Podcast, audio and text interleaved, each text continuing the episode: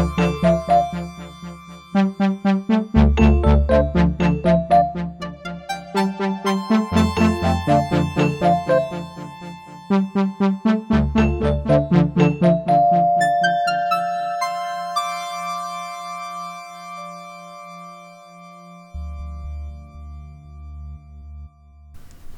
luistert naar de podcast van Uitgeverij Pluim. Want ook dit voorjaar gaat Uitgeverij Pluim het Nederlands boekenlandschap weer iets mooier maken. Immers daartoe is Uitgeverij Pluim op aarde. En nu heb ik drie keer Uitgeverij Pluim gezegd. En met deze erbij vier keer. Dus dat weet u nu wel. Hoogste tijd voor degene zonder wie een uitgeverij een lege huls is, de auteurs. Mijn eerste gast is Lodewijk, beter bekend als L.H. Wiener. Lodewijk, welkom. Leuk om hier te zijn. En alvast gefeliciteerd, want uh, volgend jaar wordt het Wienerjaar. Uh, niet alleen word je 65. Dat is wel erg groot aangekondigd, maar uh, ik zeg geen nee. Nee, zeg geen nee. Nee, laten we nou daar gewoon eens mee beginnen. Niet alleen word je 75, maar je krijgt ook een prachtig cadeau op je verjaardag. Zei het dat je het zelf al weet, want je hebt het zelf geschreven. Um, wat verschijnt er? Ja, eerst dat ik een prachtig cadeau krijg, daar ben ik het niet zo mee eens. Ik vind eerder dat ik de uitgeverij een cadeau Kijk. Uh, en, en, hopelijk, en hopelijk, ja, je bent me voor, en hopelijk het lezerspubliek. Ja. Uh, maar het is toch wel een cadeau, want het wordt zo mooi uitgegeven, gebonden. Het is een klein boekje, maar het is schitterend gedaan. En wat wordt het voor boekje? Het is een, een verhalenbundeltje, 110 pagina's, dus mm -hmm. uh, gering van omvang, maar kan je garanderen eerste klas werk. Eerste klas werk. Is het um, werk wat je speciaal voor deze bundel geschreven nee, hebt? absoluut niet. Nee, het gaat, som, sommige stukken zijn jaren geleden geschreven. Het titelverhaal bijvoorbeeld. Uh, de zoete inval heet het. Ja, dat is ook de titel van het, uh, van het uh, boek en van het verhaal. Ja. Uh, dat is al zes jaar oud. Aha. Ja. En uh, nou zijn er altijd van die aanprijzende teksten bij uh, een bundel. Daar staat deze keer in... Um, je belangrijke thema's zijn dieren, leraarschap, Haarlem, drank, eenzaamheid... en de Joodse familie van je vader. Wordt de zoete inval in die zin een, een echte wiener? Ik bedoel, zijn dat... Ja, twee antwoorden. Eén belangrijk thema ontbreekt hier en dat is het thema vrouwen. Aha. Uh, de verering van Quirina T. is een van mijn romans. Het gaat Ja. helemaal over een jonge vrouw. Een vroege roman. Nee, niet vroeg. Nee, Nee? nee. Dus uit 2006. Oh ja. dat is natuurlijk wel alweer 13 jaar geleden. Ja. Eh, Nestor, dat is een bekroond boek. Ja. Dat kan je ook een roman noemen. Daar komt eh, de seksuele initiatie van de hoofdpersoon in voor. En daar komt dus de vrouw op een hele aparte manier langs. Dus dat is echt een thema ook. Ja. Ja. En het tweede deel weet ik niet meer. Wat vroeg je? Ja, nee, ik, ik Ja, een echte wiener. Ik kan toch niet wiener- anders? Hoe, Nee. hoe kan ik nou een onechte wiener schrijven? Ja. Ik ben LH Wiener, dus wat ik maak, dat is wat ik op mijn best kan. En dat is dus altijd een echte wiener. ja, zoals Reven zei, wie moet ik anders herhalen als hij dat verwijt kreeg? Ja. Ja. Carmichelt zei het nog mooi. Meneer Carmichelt, u leest altijd voor uit eigen werk. Eh, hoe vindt u dat? Ja, wie ben ik om uit andermans werk voor te lezen? Nooit vergeten. Ja. Eh, Het is wel ter gelegenheid van je 75ste verjaardag. Zijn er, eh, zijn er in de loop der tijd thema's bijgekomen? Nee, nee. Als je 75 bent en je hebt dan nog niet al je thema's gebruikt, dan is er nog weinig hoop. Nee. Want de ouderdom op zich is niet, niet een thema voor je. Nou ja, een zinnetje als, eh, als ik me sta te scheren en wie is die oude kop daar in de spiegel, komt er herhaaldelijk voor je. Nou, dit is niet eh, origineel, maar dat ik 75 word, dat kan ik helemaal niet bevatten. Nee? Nee. Dan gaan we even weer naar Gerard Reven toe. Die zei, ja, ik ben nog altijd het angstige jongetje van 13. Moelies, die, heeft dan, die noemt dat de psychologische leeftijd. Ja. Die is 17 gebleven. Met zijn scheikundedoos altijd. Ja. ja. ja. Ja. Bram Vingerling. En ik denk dat ik 18 ben. Als ik naar die oude kop kijk, weet ik wel beter. Maar in mijn hoofd gaat het er niet in. 75. Ja. Als jij dus hopelijk ooit 75 wordt, dan zal je begrijpen wat ik bedoel. ja. Ja, dat is heel, een heel on- ontwricht, eh, ontwrichte observatie. ja. En heeft eh, het ouder worden veel met je schrijven gedaan? Als je terugkijkt, je zegt dit zijn verhalen die er gedeeltelijk al, al langer liggen. Zie je, zie je daar een ontwikkeling in? Nou, dat dat titelverhaal al zes jaar oud is, dat komt omdat ik geen verhalenbundel aan het schrijven was, maar andere dingen deed. Er is Hm. een brievenboek uitgekomen en nog meer dingen. Ik Hm. ga er nou niet verder op in. Dus dat hoopt zich op. Die verhalen, die, die zijn er op een bepaald moment eh, een boek. En wat je vroeg van. eh, eh, De ontwikkeling daarin. Nee, wat, ik, ja, wat ik kan zeggen is dat mijn eerste boeken, eh, die zitten vol agressie, moord en doodslag. Dat zie je vaker bij jonge schrijvers. Hm. Veel, veel, veel geweld. En ik ben langzamerhand duidelijk, eh, zelf ook, kan niet anders, want ik schrijf wie ik ben, Mhm. milder geworden. Hm. Ja, ja. Ja. Ik liet me er vroeger graag op voorstaan dat ik een misantroop was. Een s- zwartbloed misantroop, if you please. Maar ik krijg langzamerhand zoveel aardige mensen om me heen, dat, eh, dat moet ik laten varen. Je kon het niet tegenhouden. Oké, dat is, dat is het, het boek wat eh, ter gelegenheid van je verjaardag uitkomt. Eh, in de Ja. zomer, of voor de zomer nog, verschijnt er een, een tweede boek, Zeeangst.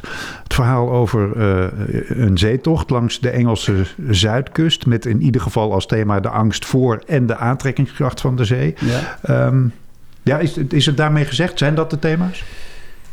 Eh, ja, het, het, het boek is eigenlijk geschreven op het plan van een Engelse eh, schrijver, Jonathan Raban.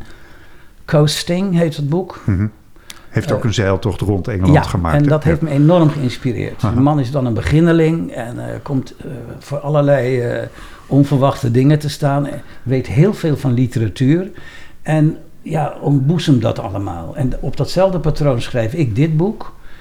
Ik ben dan aan boord met mijn huidige vriendin voor het leven. En de poes Loes. en die heeft de meeste zeeangst. Dat speelt een rol in het boek Aha. dat mijn hoofdpersoon, dat is een dierenvriend, heel diep zelfs. En die denkt, ja, wat had ik anders kunnen doen? Had ik dat poesje dan in een asiel moeten Ja. stoppen, acht weken lang? Zodat ze me niet meer kent als ik terugkom? Om, om, om eh, haar zeeangst af te kopen? Nee, dus ik heb hem meegenomen. We hebben haar meegenomen. Mhm. Eh, dat is één deel. En eh, mijn hoofdpersoon, ik spreek even over mezelf in de derde persoon, maakt tripjes met zijn vriendin op literaire basis landinwaarts. Aha, Dus- meert aan en gaat dan... Ja. Aha. ja, dat doet Raven ook. Ik doe het meer. Raven is meer de filosoof, ik ben meer de reiziger. Mhm. En dan gaan we naar het graf van Malcolm Lowry, een van mijn literaire helden. Under the volcano. Under the Volcano. En we gaan naar de plek waar Virginia Woolf de rivier de Ouse is ingelopen. Mhm. Om er een eind aan te maken. Cyril Connolly bezoeken we. En nog wat van dat de, eh, tripjes. Hm. Dus die zeeangst, het is een mooi woord. Van Dalen geeft het niet. Het bestaat onder zeilers wel degelijk. Ja. En eh, een zeiler die zegt dat hij daar nooit last van heeft gehad, die jokt. Al die jongens, Joshua Slocum, Sir Francis Chichester, de eerste die een wereldomzeiling maakte. Robin Knox Johnston, die ook een wereldomzeiling maakte. Alan MacArthur, die eh, de Whitbread Race heeft gewonnen. Een fantastisch wijf. Mark Slats is een Nederlander, ook om de wereld gegaan. Hans Steketee, Henk de Velde, al die jongens hebben een groot ontzag voor de zee. Ja. En weten dat ze er in principe zich aan moeten aanpassen. Ja. En in hoeverre zij angst voelen. Nou, ik kan je vertellen, als je een windkracht 8 eh, over je heen krijgt en je zit op het kanaal, dat komt in mijn boek voor. Ja, dan loopt de shit door je broek hoor. Ja. Bij wijze van spreken. Nou, en in, in jouw geval misschien nog wel meer in het bijzonder. Ik begreep het, maar corrigeer me als ik dat verkeerd begrepen heb. Jouw angst voor de zee eh, grijpt terug op een jeugdervaring. Ja, ja, dus Want goed dat je bent dat vraagt, Als ja. 13-jarige Ja. bijna verdronken. Toen vroeg ik me af, toen ik dat las. eh, ik begrijp dat een schrijver bijna alles doet voor een goed boek. Maar waarom gaat iemand met zo'n ervaring zeezeilen? Ja. Dan moet je eens goed naar mij luisteren. Als je denkt dat een schrijver alles doet voor een goed boek, dan vergis je je. Een schrijver die een boek gaat schrijven omdat hij een boek wil schrijven, is helemaal geen schrijver. Het boek dat een schrijver schrijft met alle worstelingen van dien bestond al, was er al. In zijn onderbewustzijn en in het universum van de literatuur. Hij moet het gaan halen, hij moet het zoeken, hij moet het zien te vinden. Met zijn noodzaak en zijn talent. Alle rest is pose. Je hoort dat ik dit voorlees, maar Ja. ik wil het eventjes puntgaaf zeggen. Dus ik heb helemaal geen poging gedaan een goed boek te schrijven. Dat boek dat was er al. Maar, nu kom ik wel naar je toe. de connectie met wat mij overkomen is. Onder water ging het licht uit. Ik ben dus technisch gesproken verdronken. Precies op het moment dat het echt te laat was, werd ik naar boven getrokken door een vriend. Die we sloegen om in een zeilbootje. Dat je dat als, als mechanisme ervaart van, mm, is het wraak, is het een uitdaging, is het het tarten van de dood? Ja, dat is het hoor. Huh. Ja. Net zoals een schrijver eh, de dood tart in zijn boeken, doet een schipper dat op zee. Het is een beetje poëtisch, maar Oh. een schrijver blijft in zijn boeken. Hij gaat zelf wel op reis, maar hij tart de dood in zijn werk. Dat vind ik echt zo. Een van mijn eh, eh, gevleugelde woorden is: waarom schrijft u? Om niet anoniem te passeren. Om iets na te laten, voetstappen te zetten. Hm. En wat het zeilen betreft heb ik een enorm ontzag voor de zee. Enerzijds is dat de ultieme schoonheid. Je gaat echt op in de natuur. Het is fantastisch om dat te beleven. Dat heeft ook iedere zeezeiler. Anderzijds moet je je plaats kennen. En ben je echt niet de baas. Je moet je aanpassen en je moet ervaring hebben. Huh. Wat daarbij komt, en dat is een, een, een, een eh, belangrijk eh, facet in het boek, is ik heb last van het wat als syndroom. Dat betekent dat ik denk als, ik, als we varen, gaat het goed. Wat als ik een container raak? Wat als ik op een balk? Wat als, als de manchet van mijn saildrive motor losgaat? Dan komt er zoveel water in de boot, dat kan een, dat kan een pomp van een brandweer niet blussen. En dat heb ik voortdurend. Aha. Dus dat is een soort- ultieme voorzichtigheid. Hm. Ja, en dat moet je hebben. Als je overmoedig bent, ga je eraan. Maar zou je dus kunnen zeggen eh, dat als je nou, zegt zit wel lekker op mijn, op mijn praatstoel nu. Hè? prima, heel goed, eh, eh, dat, dat- dat als het boek er al was, dat het misschien wel ontstaan is op dat moment dat je bijna verdronk? Ja, dat vind ik een goede observatie. Ja, dat knalt er zo in. Dat is, ja, dat is Pavlov in de, tot de derde macht verheven. Als ik nu nog, en dit is echt zo, in bad lig en ik zak onderuit, zodat ik helemaal onder water kom, word ik ongemakkelijk. Mhm. Ja, dat, en ik ben nu dus bijna 75. Ja. Ja. Dat, is, eh, dat gaat er nooit meer uit. Eh, zwemmen vind ik vervelend. Ik wil in het water zijn. Veel zeelieden hebben dat hoor. Die kunnen niet eens zwemmen. Hè? Mhm. In het water zijn, dat eh, vind ik vervelend. Op het water vind ik heerlijk. Ja. Ja. En erover schrijven dus ook. Twee boeken. De Zoete Inval verschijnt in februari. En voor de zomer nog Zeeangst van L.H. Wiener. Dank je zeer, Lodewijk. Oké.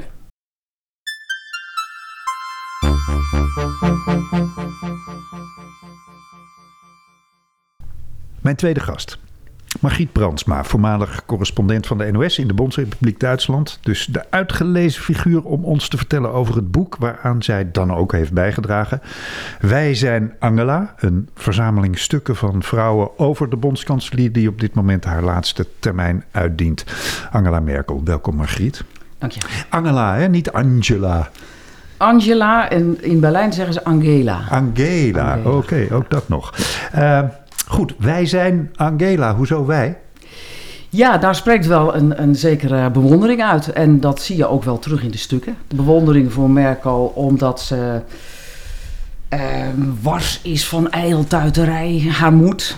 Het feit dat ze het al zo lang volhoudt. Dat maakt al met al wel dat de meeste van de mensen die meegewerkt hebben aan dit boek in Merkel een, een, rolmodel zien. Aha. Maar zeg ik er wel onmiddellijk bij, het is niet alleen maar Hosanna. Het, het gaat ook wel bijvoorbeeld over het feit dat Merkel erg van de macht is gaan houden. Mhm. En misschien daardoor, ook een onderwerp dat wel ter sprake komt, misschien wel iets te lang is doorgegaan. Hè? Want het is de laatste tijd wel een beetje stil rond Angela. Ja, ja. dus ze is natuurlijk ook op weg naar de uitgang. Dan krijg je dat ook wel een beetje. Maar dat duurt nog wel even Ja. natuurlijk. Hè? Ja, ja. maar eh, eh, laten we het wij ook even letterlijk nemen. Wie zijn wij in dit geval, in de, de schrijvers van het boek?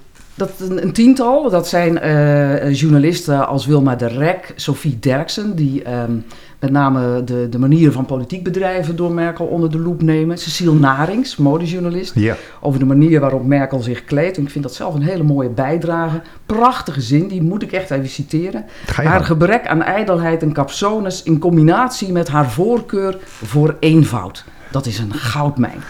uh, Devika Partiman van Stem op een Vrouw over het thema vrouwen en leiderschap in relatie tot Merkel. Mm Els Kloek, historica en net als Merkel uh, dochter van een dominee over het land uh, waar Merkel is opgegroeid, de ja, DDR. ik las dat haar ouders zelfs nog ja. ooit in de DDR zijn geweest. Hè? Ja, klopt. Ja. Dat, en, en daar gaat dat verhaal ook voor een groot deel mm -hmm. over. Um, Manon Uphoff, de schrijfster, met een prachtige persoonlijke brief aan Merkel. Onder meer over de vraag of ze nou een pokerface heeft, nou ja, enzovoort, Mhm. enzovoort. Ja, en jij? En ik, ja, ik heb zelf uiteraard ook een bijdrage Ja. geleverd. En ja, een belangrijk eh, rode draad in, in, in mijn verhalen is wel eh, de vraag van hoe het nou toch kan dat, dat een vrouw, een Oost-Duitse vrouw, een gescheiden vrouw als Angela Merkel, natuurkundige die totaal geen belangstelling had voor politiek, Hm. na de hereniging eigenlijk ehm, zo snel de baas is geworden in een West-Duits mannenbolwerk bij uitstek, namelijk de CDU, hè, die Duitse christendemocraten. Ja. Nou, als er één partij was met, met sigarenrook en, en noem maar op, ja, dan was het wel die, die CDU. Dus daar ben ik Sterker, er stond een groepje mannen klaar om Helmoet Kool op te volgen. Hè? Absoluut, hè? Ja. Het, het dat waren echt Ja. de, en, en ja, dat waren een beetje de, de, de, ja, de, de, de kroonprinsen van Helmoet Kool, zou je het wel kunnen noemen. Dat waren mannen die echt voorbestemd waren om het land te gaan leiden. Nou, die kwam zij tegen op haar weg naar eh, het, het, het chefschap en het kanselierschap. En ja, ze heeft zich eigenlijk allemaal achter zich gelaten. En Ja. op dat thema ga ik wel in, ja. Waar, waar meteen ook een, een iets wat we eigenlijk niet zo aan Merkel koppelen, eh, de, de kop opsteken. Want eh, de- ik geloof dat het ook zo geformuleerd wordt ergens. Eh, ze is ook niet te bang om het mes te hanteren. Hè? Absoluut niet. Nee, Merkel, Als Merkel het idee heeft, nu moet ik doorpakken, dan kan ze genadeloos zijn. En Hmm. iemand die daar natuurlijk heel nadrukkelijk mee te maken heeft gekregen, dat is haar, haar politieke vader, Helmut Kool. hè. Ja, ja. 99, het grote spendenschandaal, hè, Ja. smeergeldschandaal in, de, in, de, in die CDU, waarin Helmut Kool een spil was. En toen heeft Merkel als betrekkelijke nobody, ja, ze was generaalsecretair toen, dat is een functie die kennen wij niet echt, maar ja, toch het lef gehad om in de grote Duitse krant, de Frankfurter Allgemeine Zeitung, te zeggen: We hebben heel veel te danken aan eh, Helmut Kool, maar hij moet weg. Ja, En ehm, ze kreeg het voor elkaar. ja. En dat kan ze. Fukushima, hè, de, Ja. de, de, kernramp. Merkel die twee dagen later zegt... wij stoppen met kernenergie in Duitsland... want wat daar kan, kan hier ook. ja. Daar sprak vooral ook de natuurkundige, denk ik. Dat heeft ze absoluut. Ja, nou, nou, er, er zijn natuurlijk wel al eerder ook rolmodellen van vrouwen in de politiek geweest. Margaret Thatcher, dit doe ik hier in Europa vooral, maar ook wereldwijd. Indira Gandhi. eh. Ehm, ik las een intrigerend zinnetje in de inleiding van, eh, van Marcia Luiten. eh, maar ik geloof dat zij ook weer iemand citeert, weet ik nu even niet precies. Dit zijn, jullie zijn tien vrouwen, die schrijven over de vrouw Merkel in de politiek als rolmodel. Maar iemand zei ook, het goede aan Merkel is dat ze net zo goed een man had kunnen Ja. zijn. Ja, dat is, en dat is, heeft ze ook door de jaren heen altijd volgehouden. Hè. Merkel houdt er ook eigenlijk helemaal niet over om over dat thema vrouw te spreken. Als er daarna gevraagd wordt van hoe is dat nou dat jij als vrouw eh, de eerste bondskanselier, de eerste uit het oosten, dan is het heel, heel simpel, kort door de bocht. Geen idee, want ik weet niet hoe het is om man te zijn. Het doet er niet toe. En dat is, ehm, verklaart denk ik ook wel een deel van haar populariteit. Maar ik denk toch dat dat ook vooral komt dat ze het als vrouw gedaan heeft. Mhm. Ja, dus wat zegt dit boek nu uiteindelijk eh, over vrouwen en macht?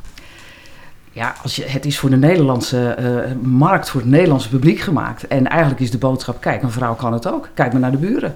Heel simpel. Ja, zal tijd worden. Nou ja, nou ja. Ik, ik, ik, eh, wij, wij staan daar denk ik nog redelijk ver van af. Maar eh, als we natuurlijk even over de grens kijken... en of dat nou inderdaad naar, naar Engeland is of, of naar, naar, naar, naar het oosten... daar zie je dat veel grotere landen dan Nederland. Ja. En dat het ook de, de normaalste zaak van de wereld is. Hè? Want de vrouwen achter, of de, de mensen achter Merkel zijn veelal ook vrouwen. Ja. En eh, jij hebt, ik weet niet of je alles al gelezen hebt van het boek, maar ehm, wat heb jij ervan geleerd? Nou, ik stond zelf wel een beetje te kijken van de, eh, de bewondering voor Merkel. Dat die zo breed gedragen wordt. Ik heb zelf natuurlijk tien jaar in Duitsland eh, gewerkt en, en gewoond. En ik heb gezien dat ze kanselier werd, dat ze opklom. Maar ik heb ook in Duitsland wel gezien dat haar populariteit tanende raakte. En als ik dan zie, eigenlijk, nou ja, van, ik heb alle namen genoemd. Dat er eigenlijk iedereen, toch even los van wat mensen vinden van haar, haar politieke handelen en haar Mhm, politieke mhm. daden. Maar dat er zo'n brede be- bewondering is ontstaan voor de persoon Angela Merkel, dat was voor mij wel een eye-opener. Ja, maar goed, dat zegt ook iets over. Wij zijn Angela. Ehm, verschijnt in februari van uh, het jaar 2020 bij uitgeverij Pluim. Dankjewel Margriet.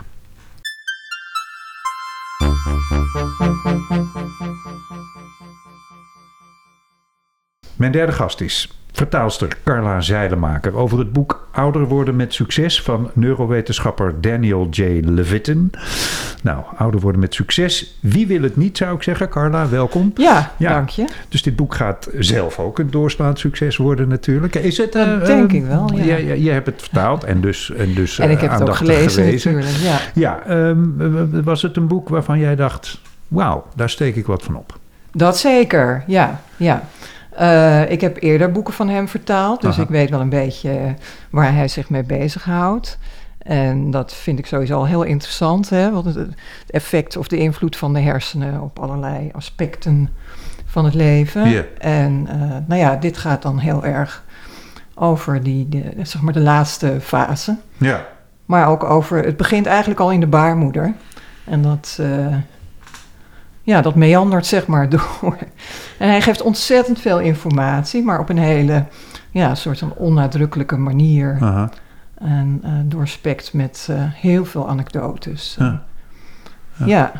Laat ik beginnen met uh, de, ja, zo'n zo'n wervende tekst op de achterflap. Die luidt in dit geval: uh, Levitten biedt een nieuw perspectief op het ouder worden. met de nauwkeurigheid van een wetenschapper en de flair van een echte verteller. Er, er verschijnen natuurlijk best veel boeken over ouder worden. Wat is het nieuwe perspectief hier?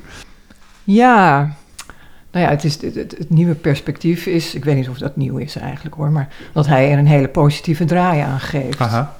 En dat je er ook best wel invloed hebt op de kwaliteit uh, van leven als je ouder bent, wordt. En hij geeft ook hele ja, concrete adviezen over uh, hè, hoe je dat kan bereiken. Mm -hmm. Ja. Wat gaat dat over? Waar gaat dat over? Over levensstijl? Of? Ja, nou ja, de dingen die je zou verwachten. Hè? Goed eten, veel bewegen. Ja. Ja. je sociale contacten goed onderhouden. Eigenlijk ook, uh, hij is ook tegen pensioen. Je moet gewoon hè, blijven werken tot je erbij neervalt. Dat is eigenlijk uh, ook een beetje zijn filosofie. Ja. En dat heeft hij ook weer een beetje van de Japanse, uh, hè, de Ikigai en de andere zelfhulpboeken hype, zeg maar. En ja, dus dat schetst En wat is het positieve? Want je zei, hij geeft er een positieve draai aan. Hij benadert het eigenlijk niet als de laatste levensfase, maar als een van de levensfasen hm. die net zo goed uh, leuk of minder leuk kan zijn als alle andere levensfasen. Voor- en nadelen heeft. Ja. Wat voor voordelen? Ja. Kan je er een paar noemen? Uh, ja, een paar hele technische. Dat je hersenen niet meer zo geneigd zijn tot uh, echte depressiviteit. Dus er wordt wel gezegd hè, dat ouderen depressief worden. En nee, hij bestrijdt dat eigenlijk een beetje. In ieder geval als je het echt over klinische depressie hebt. Mm -hmm. Dat komt eigenlijk niet voor, zegt hij, bij mensen boven de 70, 80. Hm. Dus dat is een, uh, een ding. Nou ja, en, en, en, en het niet meer zo nodig heel veel hoeven is natuurlijk ook... Ja. Maar goed, dat is meer een beetje een soort volkswijsheid. Maar hij onderbouwt ook al die dingen waarvan je denkt van, oh ja, dat, weet ik eigenlijk misschien wel. Maar die onderbouwt hij ook heel uh, gedegen. Dat is dan zijn wetenschapskant. Ja, want is het een erg wetenschappelijk boek? Of? Totaal niet. Tenminste, ah. er komen wel allerlei Latijnse termen in voor. Maar die, uh, dat zijn eigenlijk meer de zijstapjes. Hij is, gewoon, hij is inderdaad gewoon een hele goede verteller. Hij neemt je bij de hand en uh, hij vertelt over zijn opa en, en over zijn collega's. En hij is in een, eigenlijk voordat hij neurowetenschapper werd, was hij muzikus, popmuzikant. En hij is ook producer geweest.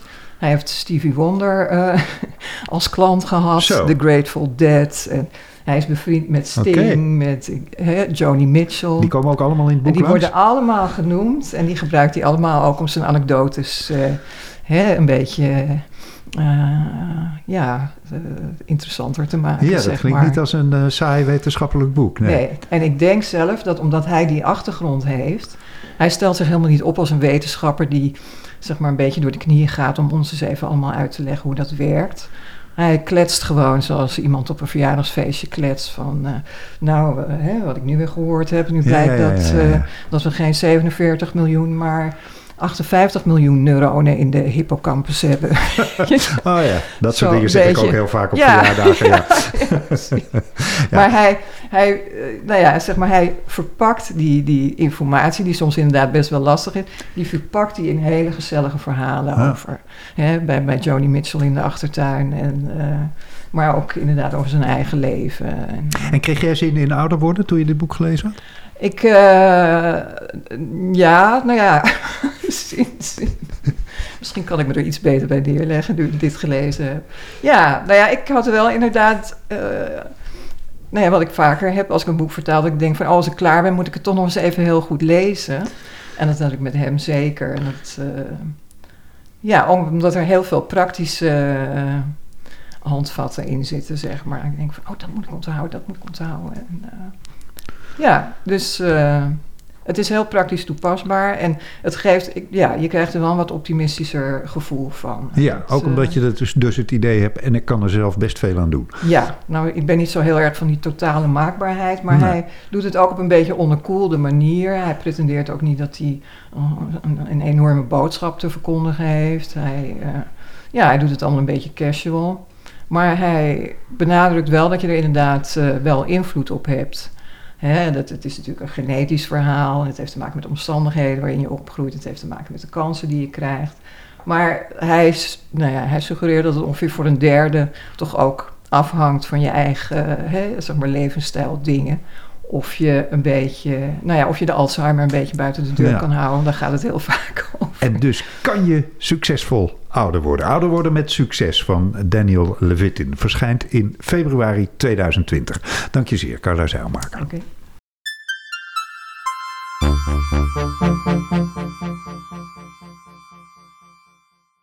U weet het misschien nog, de Sea-Watch. Een van de schepen die op de Middellandse Zee drenkelingen oppikte en naar Europa bracht. Werd door de Italiaanse regering aan de ketting gelegd en de kapitein werd zelfs gearresteerd. Die kapitein is een Duitse vrouw en ze heet Carola Rackete. En van haar hand verschijnt in februari bij uitgeverij Pluim het boek Tijd voor actie. Hoe we onze planeet kunnen redden. Evie Hoste, redacteur bij uitgeverij Pluim. Hallo Evie. Hallo. Ehm, ja, dat weten we nu dus weer. Kapitein van een schip dat migranten in doodsnood opviste uit de Middellandse Zee. Maar wat moeten we nog meer weten? Wie is Carola Rakete? Carola Rakete zet zich in voor eh, het redden van bootvluchtelingen op de Middellandse Zee. Maar wat mensen eh, niet zo goed weten over haar is dat ze daarnaast strijdt tegen klimaatverandering. Ze is onder andere voor Extinction Rebellion een eh, belangrijk figuur. Mhm. Ehm, en voor haar zijn dat geen twee verschillende dingen, maar zijn die heel erg met elkaar verbonden. Klimaatverandering is de oorzaak van groeiende vluchtelingenstromen tenslotte. Aha. En eh, dat komt omdat vooral de landen in het zuiderse halfrond van de wereld het hardst getroffen worden daardoor. Aha. Terwijl wij eh, die vluchtelingen geen onderkomen geven, maar wel verantwoordelijk zijn voor de snelle eh, ontwikkelingen wat die klimaatverandering betreft. Omdat hier in het noorden kunnen wij genieten van weelde en luxe, eh, maar de grondstoffen die halen we uit het zuiden. Mhm. Dus die tegenstelling tussen rijk en arm Ja. is eh, eh, ja, een, een, een oorzaak eigenlijk van die Ja. klimaatverandering. En voor haar zijn die, die twee thema's dus, dus verbonden. Maar ehm, wat, maakt haar, wat maakt haar gekwalificeerd om ook over klimaatverandering... Ik bedoel, ik ken haar inderdaad alleen maar als kapitein van een Ja. schip. Wat maakt haar gekwalificeerd om ook over klimaatverandering eh, te schrijven? en Nou, ze denken? heeft eerst eh, gestudeerd om te gaan varen. Heeft ook heel lang gevaren. En wat voor haar een, een tekenend moment was... eh, was toen ze op een, een poolexpeditieschip meeging. En merkte dat die wetenschappers daar ontzettend veel moeite hadden om ijs te vinden. Om de camera's op te zetten. Ijs dat er in het verleden wel altijd was geweest. En, en naarmate de tijd verstrijkt steeds sneller verdwijnt. En het zien van dat verdwijnen van dat eeuwige ijs heeft haar geïnspireerd om natuurbeheer te gaan studeren. Aha. Dus zij heeft een, een, eh, een master natuurbeheer en eh, heeft heel veel projecten geleid wereldwijd en aan deelgenomen om eh, veranderingen van de natuur in kaart te brengen en te onderzoeken hoe aangetaste ecologische systemen terug hersteld kunnen worden. En ze schrijft ook over die projecten die ze gedaan heeft en haar ervaringen Ja. op dat gebied. Ja, daar schrijft ze ook over. Eigenlijk in het boek vertelt ze van begin tot eind hoe het is gegaan, die noodlottige vaart met de Sea-Watch 3, Mhm. toen ze gearresteerd was. En tussendoor vertelt ze het grotere verhaal Aha. van klimaatverandering, van migratie en haar eigen verhaal, hoe haar ogen zijn geopend omdat zij gewoon een, een, een burgermeisje was uit een heel normaal middenklasgezin waar thuis helemaal niet zo werd nagedacht over, over dit soort problematiek, waar ze hoogstens één keer in de week vegetarisch aten, maar dat was het wel. Ja. Dus ze vertelt ook over haar eigen ontwaken en hoe ze eh, ja, langzamerhand inzag dat het eigenlijk noodzakelijk is om iets te doen. Dat je niet gewoon kan toekijken Mhm. terwijl deze veranderingen plaatsvinden. Ja, de ondertitel van het boek is eh, hoe we onze planeet kunnen redden. Hoe kunnen we volgens Carola Rakete onze planeet redden? Nou, allereerst er wordt heel vaak de nadruk gelegd op individu- individuele verantwoordelijkheid. Dus je moet minder vlees eten, je moet eh, eh, de kraan sluiten tijdens het tandenpoetsen, dat soort dingen. Ja, Maar, vliegen, en vliegen, andere precies. auto gaan rijden Precies. of helemaal geen auto Precies, rijden. dat zie je bij Greta Thunberg ook. Als Mhm. iedereen vindt het heerlijk om, om erop te wijzen hoeveel uitstoot zij produceert, bij wijze van spreken. Maar Rakete heeft het net over, het, over systematische veranderingen die moeten plaatsvinden. Aha. Dus niet zozeer het individu, maar het systeem moet veranderen. En dat systeem bestaat uit een verzameling individuen. Dus het is niet zo dat jij en ik helemaal niks kunnen doen. Eh, maar alleen minder vlees eten is niet genoeg.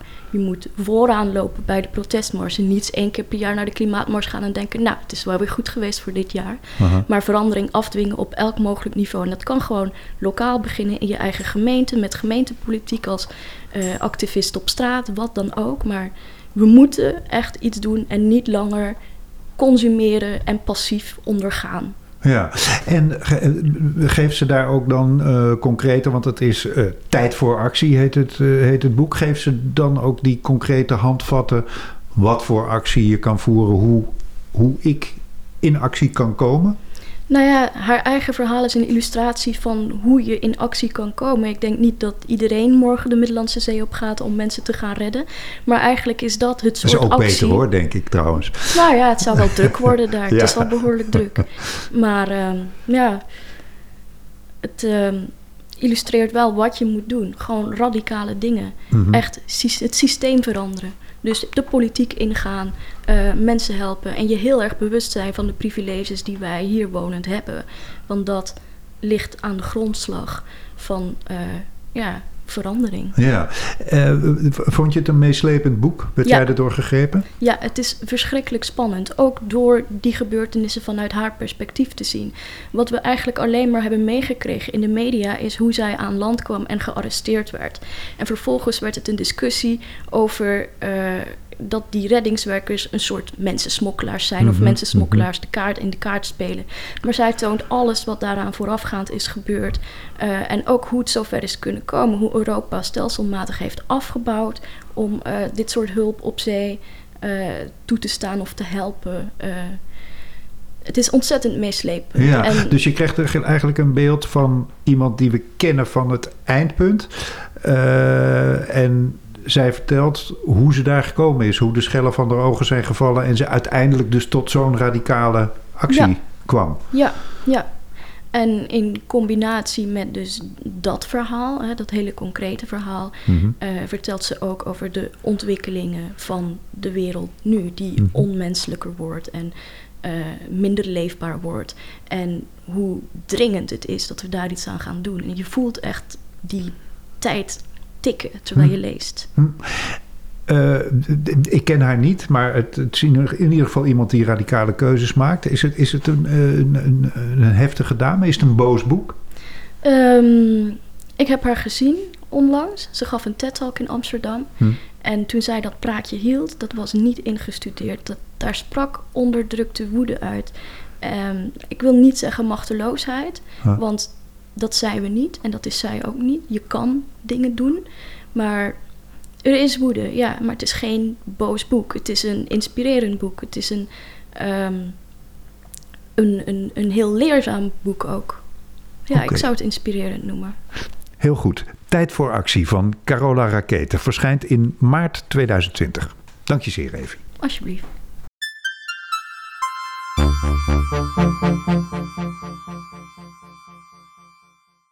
Vanessa Oostijen, welkom. Dank. Jij debuteert met de roman eh, Tussenruimte in april 2020. Gefeliciteerd met je debuut. Hartelijk dank. Is dat dank. spannend? Het is absoluut spannend, ja. Nou Ja. ja, het, het, het spannende is eigenlijk nu gaande, maar het was vooral heel leuk de Je bedoelt tijd. nu dit gesprek? Ja, dit gesprek is het spannende, maar eh, ja, het echte werk eh, ligt achter me. Dat heb ik eh, nou, twee weken geleden op de bus gedaan. Dus. Nou, maak je borst maar nat, want er gaan nog meer van dit soort gesprekken komen als dat boek er eenmaal is. Ja, dit wordt een vuurdoop. Ja, ik heb een piepkleine synopsis gelezen. die ja, eigenlijk niet zo 1, 2, 3 eh, samen te vatten is. Dus ik ga toch Mhm. een verschrikkelijke vraag stellen. Maar wat, wat kan je zeggen over het verhaal? Ja, nou, een heleboel. Want ik, eh, ik eh, moet zeggen dat ik zelf ook heel veel moeite heb gehad om eh, echt in het kort te kunnen formuleren waar het verhaal over gaat. Maar Ja. Ehm, het gaat over twee geliefden, echt een, een grote liefde, die aan het begin staan van, nou ja, van een leven samen. En, ehm, en op het moment dat ze daarmee bezig zijn, ehm, krijgen ze allebei uit het niets eigenlijk een, een grote opdracht aangereikt. Hm.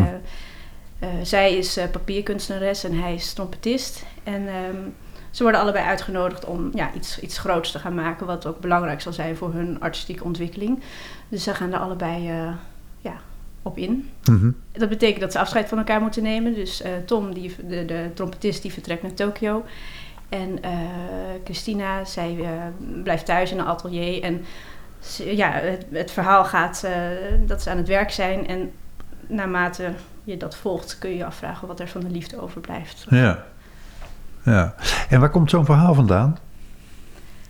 Nou, ja, je zou eigenlijk kunnen zeggen dat het verhaal een soort blauwdruk is van mijn eigen obsessies of ja, gebeurtenissen die, eh, die ik heb meegemaakt en die echt wel ja, een, een, een- mij een soort kijk hebben gegeven op bepaalde dingen. Ehm, dromen die terugkeerden, ehm, vragen die ik heb over hoe ik moet leven en of er een, een houvast bestaat of, of, of creativiteit een houvast zou kunnen zijn. Nou, die vragen, ja, tijdens het schrijven heb ik ehm, grip proberen te krijgen op dat soort kwesties. En ik laat mijn hoofdpersonen ook daarmee bezig gaan met Ja. de thema's die daaruit voortvloeien. Ja. Wat niet wil zeggen dat ze per se grip krijgen op, eh, op hun levens, geloof ik. Want het, het, nogmaals, ik heb een piepkleine synopsis gelezen, maar Mhm. Het verhaal wordt steeds magischer naar het eind toe, had ik de indruk. Ja, nee, dat klopt. Ja, er zit wel een soort eh, puzzel in. En dat maakt het ook moeilijk om erover te vertellen. Maar dat maakt het ook heel leuk om eh, erover te schrijven. Want voor mijzelf werd ook voor mijn ogen werd eigenlijk de puzzel opgelost. Aha. En eh, ja, dat, dat was ja, de, ma- de magie eigenlijk die, ja, Dat was voor die me jou ook geraakt heeft. Ja, absoluut. was voor jou ja, ook een ja, verrassing. Ja, ja, ik heb me geen seconde verveeld eigenlijk. Het is misschien stom om van je eigen boek te zeggen. Maar dat is wel ja, wat er voor, voor mijn ogen zich heeft afgespeeld. Dus Ja, ja. ja. Maar moet ik dan ook denken aan, eh, om het in, in literaire stijlen eh, eh, te vatten, aan, aan bijvoorbeeld magisch realisme? Zijn dat, zijn dat voorbeelden die je in je hoofd hebt gehad? Ik kan aan Marquez denken, maar, maar nou ja, misschien omdat een van je hoofdpersonen naar Tokio gaat, dacht ik vooral aan Murakami.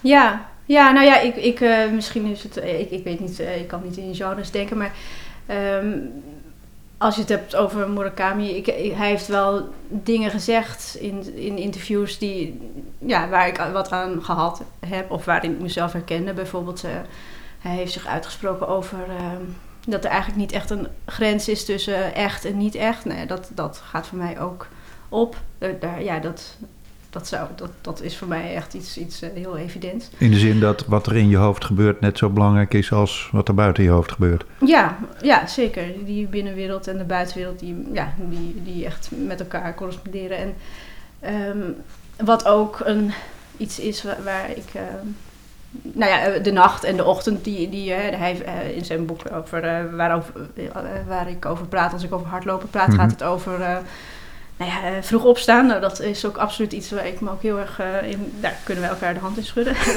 de nacht en de ochtend eh, zijn heilig. Ehm, voor hem, maar ook voor mij. En, wat Want dan ben je op je creatiefst. ja, en dan heb je nog een, een, een zuivere gedachtenstroom. Dan ben je echt nog, ja, dan, dan heb je nog met niemand gesproken. En dan is het, is je, is je hoofd voor jezelf. En dat, dat is heel fijn. En ja, dat is iets waaruit veel mooie dingen kunnen voortkomen. Want dan zit je zelf ook nog in een soort dromenwereld. En ja, nou, dat, dat is iets. En wat heeft hij nog meer? Ehm, oh ja, dat is eigenlijk wel het belangrijkste. Het niet weten, dat is de, de, de motor van het schrijven. Dat, Het dat, niet weten. Ja, ja, dat zet aan tot schrijven. Dat je verder gaat en dat je moet puzzelen. Hm. Of puzzelen, ja, dat je, dat, je, dat je gewoon maar moet zien wat er gebeurt.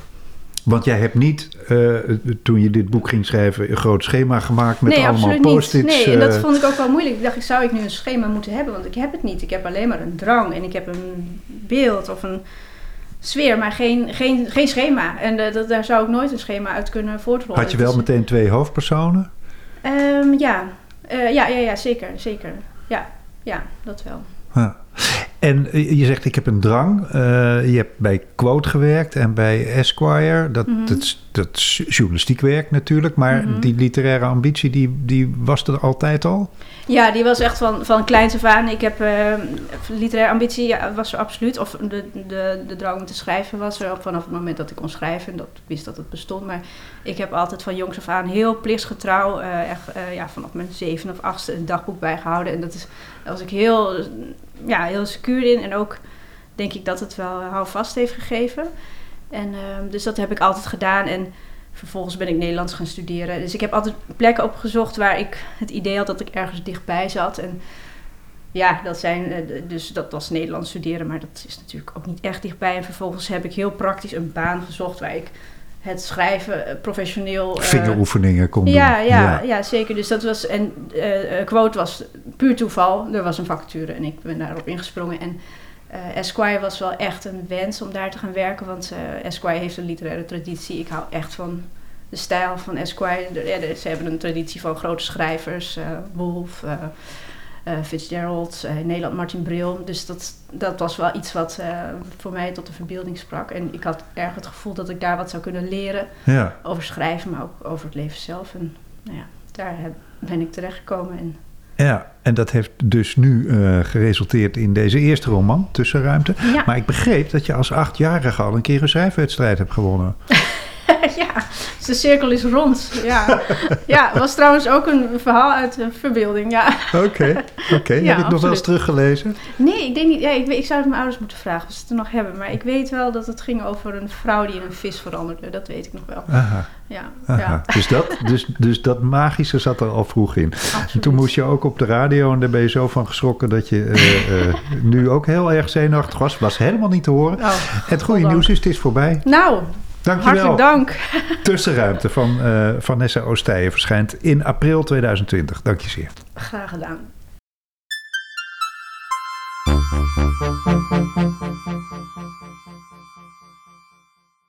Van Dimitri Verhulst verschijnt eh, dit voorjaar van onze verslaggever uit de leegte. Dimitri vanuit eh, het verre Frankrijk. Hallo. Hey, hallo. Ha. Ehm, ja, Dimitri, ik heb, een, eh, ik heb er een blik op mogen werpen op de tekst. Het is een, eh, ja, het is een heftige tekst. Voor, voor zover ik kan beoordelen, eh, volstrekte non-fictie. Ja, dat is het ook. en misschien wel voor het eerst in zijn zuiverste vorm, wat mij betreft. Om, ja, ik, ik, ik heb wel eerder autobiografisch werk afgeleverd, maar dat was dan in de rom- romanvorm. En dat is toch nog altijd een, een constructie. Eh, en, en een constructie. ehm, dat heeft een. eh, dat doet niet noodzakelijk afbreuk aan, aan de integriteit of zoiets van zo'n vertelling. Maar eh, het is en blijft een constructie waar ik nu. ehm, ja. de zuivere ego-literatuur. Ja. Het dagboek, zal ik maar zeggen. Eh, en ehm, in alle eerlijkheid ook eh, zonder de intentie daar ooit iets mee te doen. Dus eh, de zelfcensuur was eh, totaal afwezig. Ja. Want waarom schreef je? Het gaat over eh, de, de laatste paar jaar in je leven. De, laten we zeggen de laatste 10, 15 jaar misschien. En het gaat, gaat veel over, ehm, over, over drankgebruik, over andere middelen gebruik, over, ja, over hoe je leefde. Ehm, waarom schreef je het op? Vermoedelijk omdat ik erover zweeg. Ja. Ehm, ja, ehm, eh, een soort schaamte en toch de behoefte voelen om het kwijt te moeten. En eh, het dan maar toevertrouwen aan het papier. Eh, Aha. Wat een goede vriend is hè, van mij, het papier. Ik trek daar al heel lang mee op. Dus ik weet dat ik daar heel veel eh, bij kan komen lullen bij dat papier. Dus eh, wat, wat dat betreft is, is, is het geen vreemde. Nee, nee. Maar als je, als je zegt, ja, het, het is in, in volstrekte oprechtheid nooit geschreven om te publiceren. Ik heb jou over, over ander werk wel eens horen zeggen, ach, het verhaal is niet zo belangrijk, het gaat om de stijl. Hoe was dat hier dan? Ehm, ik ben een beetje geschrokken eh, van mezelf. Eh, in de zin dat ik eh, ook in mijn, eh, mom- in mijn onbewaakte momenten, ik bedoel mijn, mijn stilistisch onbewaakte momenten, dat ik daar toch ook nog eh, zorg lijkt te dragen voor een zin. Ehm, dus het is niet omdat het het daglicht niet eh, hoeft te zien dat ik er met mijn pet naar zal gooien naar zo'n zin. Mhm. Ehm, dus tof. Eh, dus, ja, je hebt het gelezen, dus ik ben best niet eh, trots op mezelf. Maar eh, wat, wat dat betreft denk ik toch van... Ja jongen, je, ma- je mag het huwelijk met het boek wel aangaan. Ja, ja, nee, zeker. Ja, ik- voor wat mijn vooroordeel waard is, maar eh, eh, over, over hoe je het hebt opgeschreven, eh, daar, daar hoef je je absoluut niet voor te schamen. In, integendeel, ik vond het buitengewoon eh, meeslepend. Je, je eh,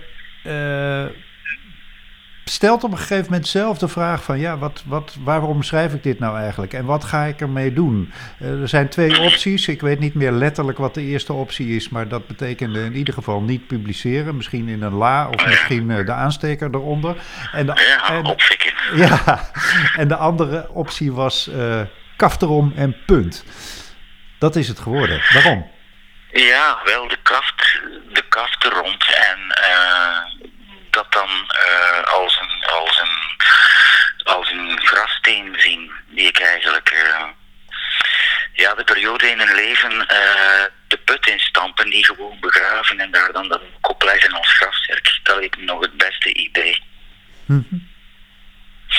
Het is ook, nou ja, het is, ik, ik ben er ook wel een, een ganse tijd mee bezig geweest. Ik, ik, ik ben zo slordig geweest om niks te dateren, om, om, omdat ik daar de zin niet van in zag op het moment dat ik het schreef. Maar eh, ik denk dat het toch van 2016 tot 2019 loopt. En het, het ding is dat je zonder je bewust te zijn van, van het feit dat je eigenlijk een verhaal aan het maken bent, dat het er wel een is. En ik vind dat moeilijk om ehm, verhalen te negeren. Dus ik, ik heb nu een verhaal, eentje waar ik niet naar heb moeten zoeken. Ik zou daar eh, toch hartzeer bij hebben om eh, dit verhaal, dat me trouwens ook relevant lijkt, Ja. om te vertellen. Eh, misschien ook wel voor anderen, want je bent nooit alleen. Ehm, dus ik, ik zou het niet gekund hebben, denk Nee, ik, nee. om het op te fikken. Ja. Nou, dat, die, eh, dat onvermogen om verhalen te negeren, dat, eh, dat is een van de hebbelijkheden waar, eh, waar ik in ieder geval als lezer heel erg blij mee ben, Dimitri. Al iemand, dank je. Dankjewel. Ehm van onze verslaggever uit de leegte, van Dimitri Verhulst, verschijnt dit voorjaar bij uitgeverij Pluim.